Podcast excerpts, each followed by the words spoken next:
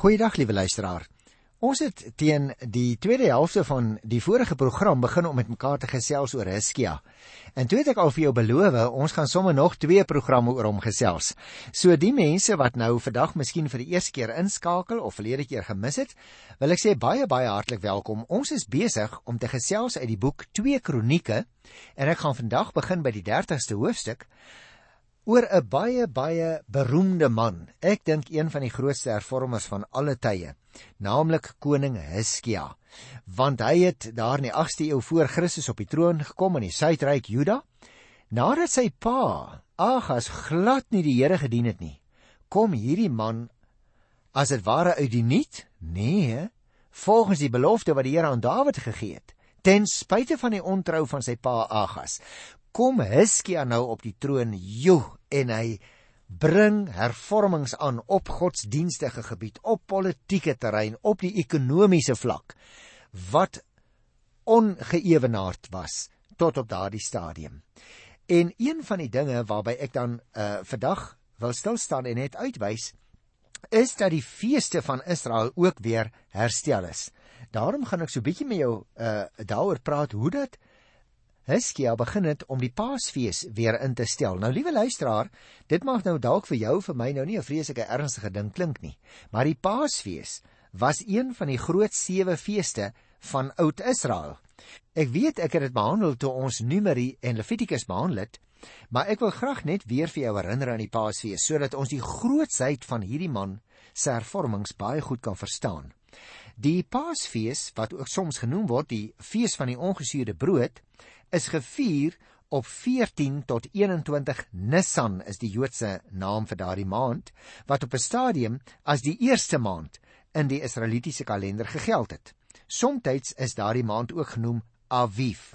Nou, dit was 'n sewe-daagse fees waar tydens brood sonder suurdeeg geëet is met gewyde byeenkomste op die eerste en die sewende dag. Die Paasofferlam is teen sononder op die eerste dag geslag en op die voorgeskrewe wyse wat Moses vir hulle gesê het, is dit voorberei. Jy kan gerus ook gaan kyk daar by die uittog van die Israeliete, né, in Eksodus 12. Toe was die Paasfees uh baie belangrik.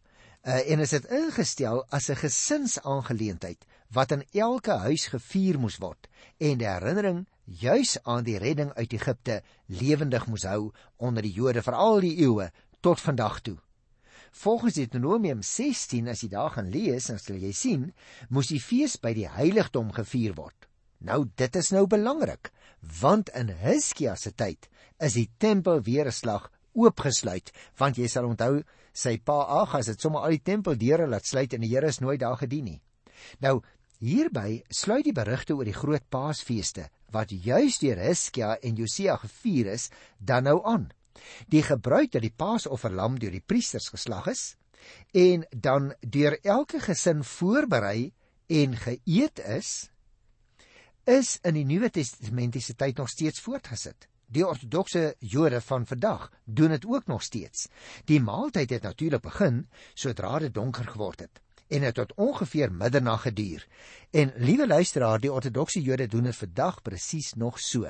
In Israel sien jy dit baie en ook die ortodokse Jode wat hier in ons land hulle godsdiens uh, handhaaf.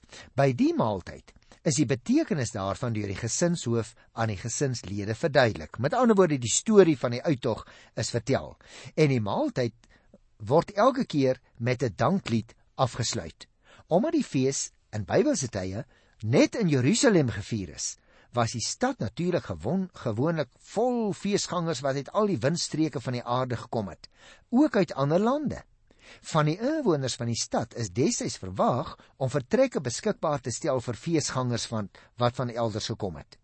En daarom moet ons ook onthou vir ons as Christusgelowiges het die Paasfees ook 'n besondere betekenis, want dit was juis by so 'n geleentheid dat die nagmaal vir die eerste keer ingestel is en daarom gee ons ook gewoonlik baie aandag aan die verhale rondom die Paasfees. Nou daarom kan jy ook verstaan liewe luisteraar dat ek vir jou wil sê dus ook in ander opsig tree Hiskia op soos Salomo. Hy organiseer die Paasfees op 'n skaal soos wat daar nie was so sê die 26ste versie van Hosea 30, soos wat dit nie was in Jerusalem van die tyd van koning Salomo die seun van Dawid af nie. Daarom kan 'n mens begryp dat Hizkia se hervormings geweldig ingrypend was en moes baie mense net die Here gedank het dat hulle 'n slag 'n koning kry wat die Here dien. Ons moet natuurlik onthou, liewe luisteraar, Sake was nog nie in orde in Jerusalem op die 14de van die eerste maand toe die Pasga gevier moes word nie. Daarom beraadslag Hizkia met die godsdiensgemeenskap in Jerusalem en hulle besluit dan saam om van die vergunning van Numeri 9 van die 6ste vers af gebruik te maak en die fees eerder in die tweede maand te vier. Jy sien hierdie ouens is so angstig. Hulle sê hoorie alles is nog nie in plek nie. Die die tempel is nog nie 100% herstel nie, maar ons maak so lank voorbereidings want ons wil en ons gaan die Paasfees vier. Kom ek lees nou vir jou die eerste vers van 2 Kronieke die 30ste hoofstuk.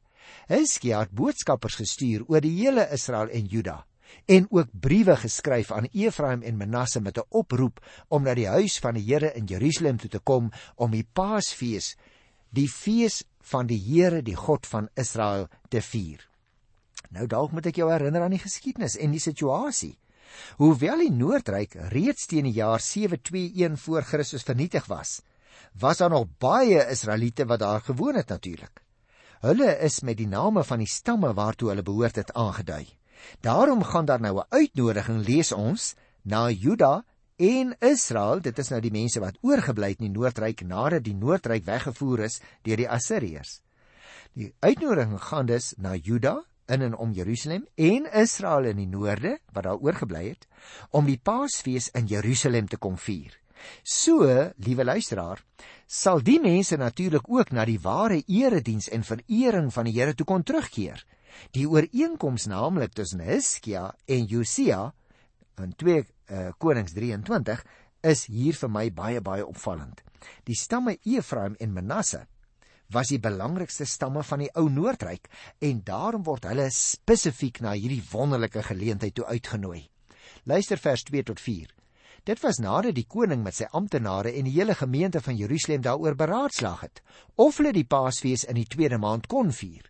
Hulle kon dit nie op die vasgestelde tyd vier nie, omdat daar nie genoeg priesters gewy was nie en die volk nie in Jerusalem bymekaar was nie. Die koning en die hele gemeente het dit goed gevind om dit so te doen.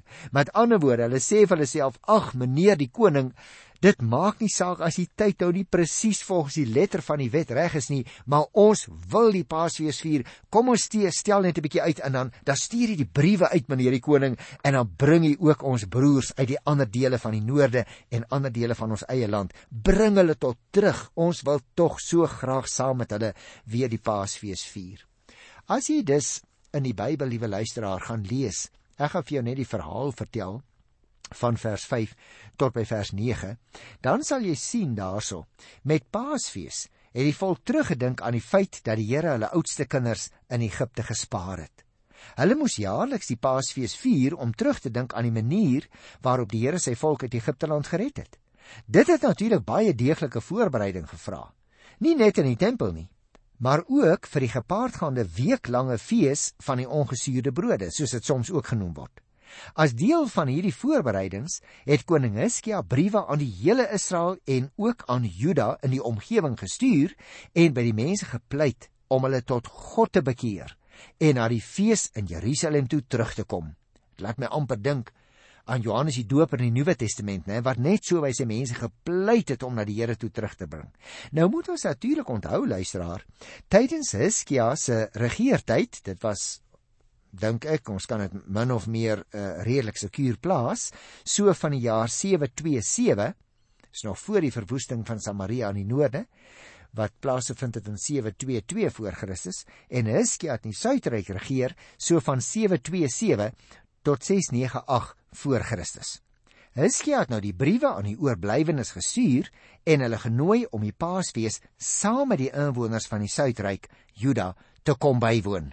Nou kom ons kyk so 'n bietjie hier na vers 6 tot by vers 9. Net dat ons 'n bietjie 'n uh, aanvoeling kan kry van wat daar gebeur het. Luister. Die hardlopers het toe op bevel van die koning die hele Israel en Juda deur met die briewe van die koning en sy amptenare wat soos volg gelei het. En dan kan jy die brief self lees uh, as jy 'n Bybel voor jou het, liewe luisteraar, hoe dat hy hulle nou met passie aanmoedig om na Jerusalem toe te kom vir die fees. Jy sien die mense in die noorde reageer dan op twee maniere. As jy daar sou kyk by vers 10 tot by vers 12, party lag die boodskappers uit. Hulle spot met die boodskappers, maar ander staan daar het berou gekry en na Jerusalem toe gekom. In Juda is daar egter eendragtig gehoorsaamheid omdat die hand van God sê die Bybel daar werksaam was. Nou ek wys dit uit in vers 10 tot by vers 12 uh, luisteraar, omdat ek graag vir jou wil uh, laat verstaan dat nie al die mense in die Noordryk opgehou het om die Here te dien in die jare van goddelose konings in die Noordryk nie. Daar was mense wat die Here bly dien het. En selfs toe die Noordryk val in die jaar 722 voor Christus en die mense weggevoer word na Assirië en tussen hakies hulle het nooit weer teruggekom nie, het daar mense oorgebly daar in die noordelike gebied. Uh wat nou met groot blydskap reageer. Maar daar was ook die wat die boodskappers uitgelag het. Hoekom het hulle hulle uitgelag? Maar hulle het 'n paar honderd jaar gelewe in 'n situasie waar hulle glad nie toegelaat is om die Here te dien nie. So, daar was dus die mense wat gespot het en die boodskappers gesê het: "Ag man, gaan terug na Jerusalem toe. Ons wil nie die Here dien nie." As jy die verhaal sou gaan lees van vers 14 tot by vers 22, dan uh uh, lees jy daar ook interessante goed. Ek wil dit maar net opsom. Jy sal sien, net soos die priesters die tempel gereinig het, het die mense ook nou die stad gereinig en van al die afgodsbede ontslae begin raak. En daarna het hulle hulle self gereinig. Het hulle begin gereed maak om die fees van die Here te vier. Daar was egter 'n hele klomp mense natuurlik, veral uit die Noordryk, waar die diens van die Here dan vir baie jare verwaarloos is, wat hulle nie reg voorberei het vir die fees nie. Hizkia het vir hulle voorbereiding gedoen. Hy het nie sommer net gelos nie, né? Is dit nie belangrik dat jy en ek dit ook sal doen nie? Dat ons nie net mense sal nooi en met hulle sal praat en teenoor hulle sal getuig nie, maar dat ons hulle voorbereiding sal doen. En die Bybel vertel in daardie verse die Here het hulle vergewe. Wat wil dit vir jou vir my leer, luisteraar? Al vereis God dat hy ons die voorskrifte wat hy gegee het gedien moet word, is daar tog ook by die Here begrip? Is daar by hom genade vir die wie se gesindheid reg is en wat bereid is om aan die Here gehoorsaam te wees al weet hulle nie presies hoe nie? Wonderlike dinge wat ons hier raak lees in hierdie gedeelte. En kyk nou hier van vers 17 af want daar lees ons ook interessante dinge. Daar staan in die gemeente was daar baie mense wat hulle nie gewy het nie. En die leviete moes toe die paaslammers slag vir almal wat nie rein was nie, sodat ook hulle paaslammers aan die Here gewy kon wees. Is dit nie wonderlik dat ons dit daar lees nie? Die meeste mense uit die noorde het hulle nie gereinig nie, staan daar, en het die paaslam geëet Natuurlik, liewe luisteraar, was dit in stryd met die reinigingsvoorskrifte. Daarom is jy as 'n vroom gebed weer die straf van die mense af. Hoewel die kronikus dus die reinigingsvoorskrifte en die regte ritueel geweldig belangrik ag, ag hy die opregte gebed hoër as die rituele voorskrifte. En dis 'n belangrike ding wat ons hier in die Ou Testament raak lees, liewe luisteraar, wanneer mense hulle voor die Here verootmoedig. En hierdie ouens sou byvoorbeeld sê maar maar ons moet nog die hele pad kom na Jerusalem. Ons kan nie nou daar af sonder 'n gebed en vas nie. Ons moet krag hê vir die pad wat ons moet aflê. Dan word die letterlike voorskrif verander op grond van die gebed van die gelowiges. Dis 'n baie belangrike perspektief wat ons hier in die Ou Testament raak lees. Jy sien, deur gebed word die slegte gevolge van die versuim om die reinigingsvoorskrifte na te kom afgeweer van hierdie mense. En dan kom ons hier van die 21ste vers af by die gedeeltjie waar die leviete 7 dae lank die kuns van musiek voor die Here beoefen. Dit is ook baie interessant en daarom wys ek dit maar net uh baie pertinent uit, liewe luisteraars. Musiek was baie baie belangrik. Ek gaan dit nou nie in detail lees nie. Ek wil miskien net vers 21 en 22 lees na gesels ons daaroor tot by die eerste versie van Hosea 31. Die Israeliete wat in Jerusalem was, het die fees van die ongesuurde brood met groot vreugde 7 dae lank gevier. Die leviete en die priesters het elke dag die mag van die Here geloof en met begeleiding musiek gemaak. En Hiskia het die leviete geprys oor die bekwaamheid waarmee hulle die kuns voor die Here beoefen het. Die fees is 7 dae lank gevier. Daar was maaltydoffers gebring. Die Israeliete het die Here, die God van hulle voorvaders, geloof.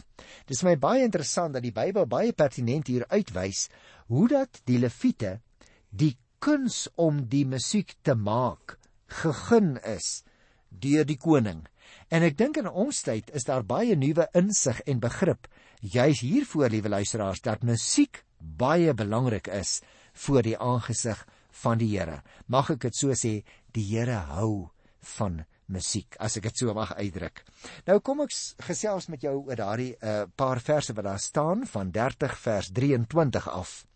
En jy sal sien dit loop deur tot eindelik by die eerste vers van 2 Kronieke 31. Jy moet oplet, liewe luisteraar.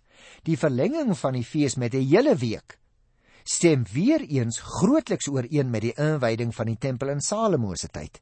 Toe die weeklange fees opgevolg is met die huttefees wat 7 uh, eh, dae lank geduur het. Gaan kyk maar weer in Hosea 7 daar van die 8ste vers af. Dit lyk vir my die hoofkenmerk van hierdie fees was op hierdie stadium dat daar groot vreugde was en 'n nuwe toewyding aan die Here. Selfs toe die feesgangers terugkeer na hulle woonplek toe, het hulle hulle beywer vir die diens van die Here en het hulle die afgodediens bestry oral waar hulle gekom het lees ons. Met ander woorde, in hierdie klompie verse wat ek nou nie gelees het nie, word daar 'n paar dinge vir ons duidelik gesê en dit is wat ek graag wil uitwys. Nommer 1. Voorbereidings en besinning oor die wil van God gaan die ontmoeting met hom in die erediens vooraf. Jy en ek moet nie sommer net instorm nie, ons moet ons voorberei. Die tweede ding wat ek leer, dit is nie alle mense wat aan die oproep gehoor gee om hulle te bekeer en die Here te kom dien nie, maar die wat wel antwoord, moet erkentlik wees en altyd sê dat die Here se hand in hulle lewe gewerk het en dat dit hy is wat sy deur die Gees ooreed het. Liewe luisteraar, dis nie jou en my goedheid wat ons die eredienste laat bywoon op 'n Sondag nie. Dis die Here se Gees wat in ons werk en daarom moet ons ook vir ander voorbereiding doen en hulle ook nooi. 'n Derde ding wat my opval. Die formaliteite en die voorskrifte is belangrik ook in die kerk in ons dag daardie gemeente waar jy ook al behoort. Dis belangrik die formaliteite, maar gewilligheid om die Here te soek en bereidheid om deur hom geleer te word. Dis die allerbelangrikste. Die help jy gaan en jy sit daar en dan gaan doen jy nie na die tyd wat hy vir jou sê deur sy woord nie.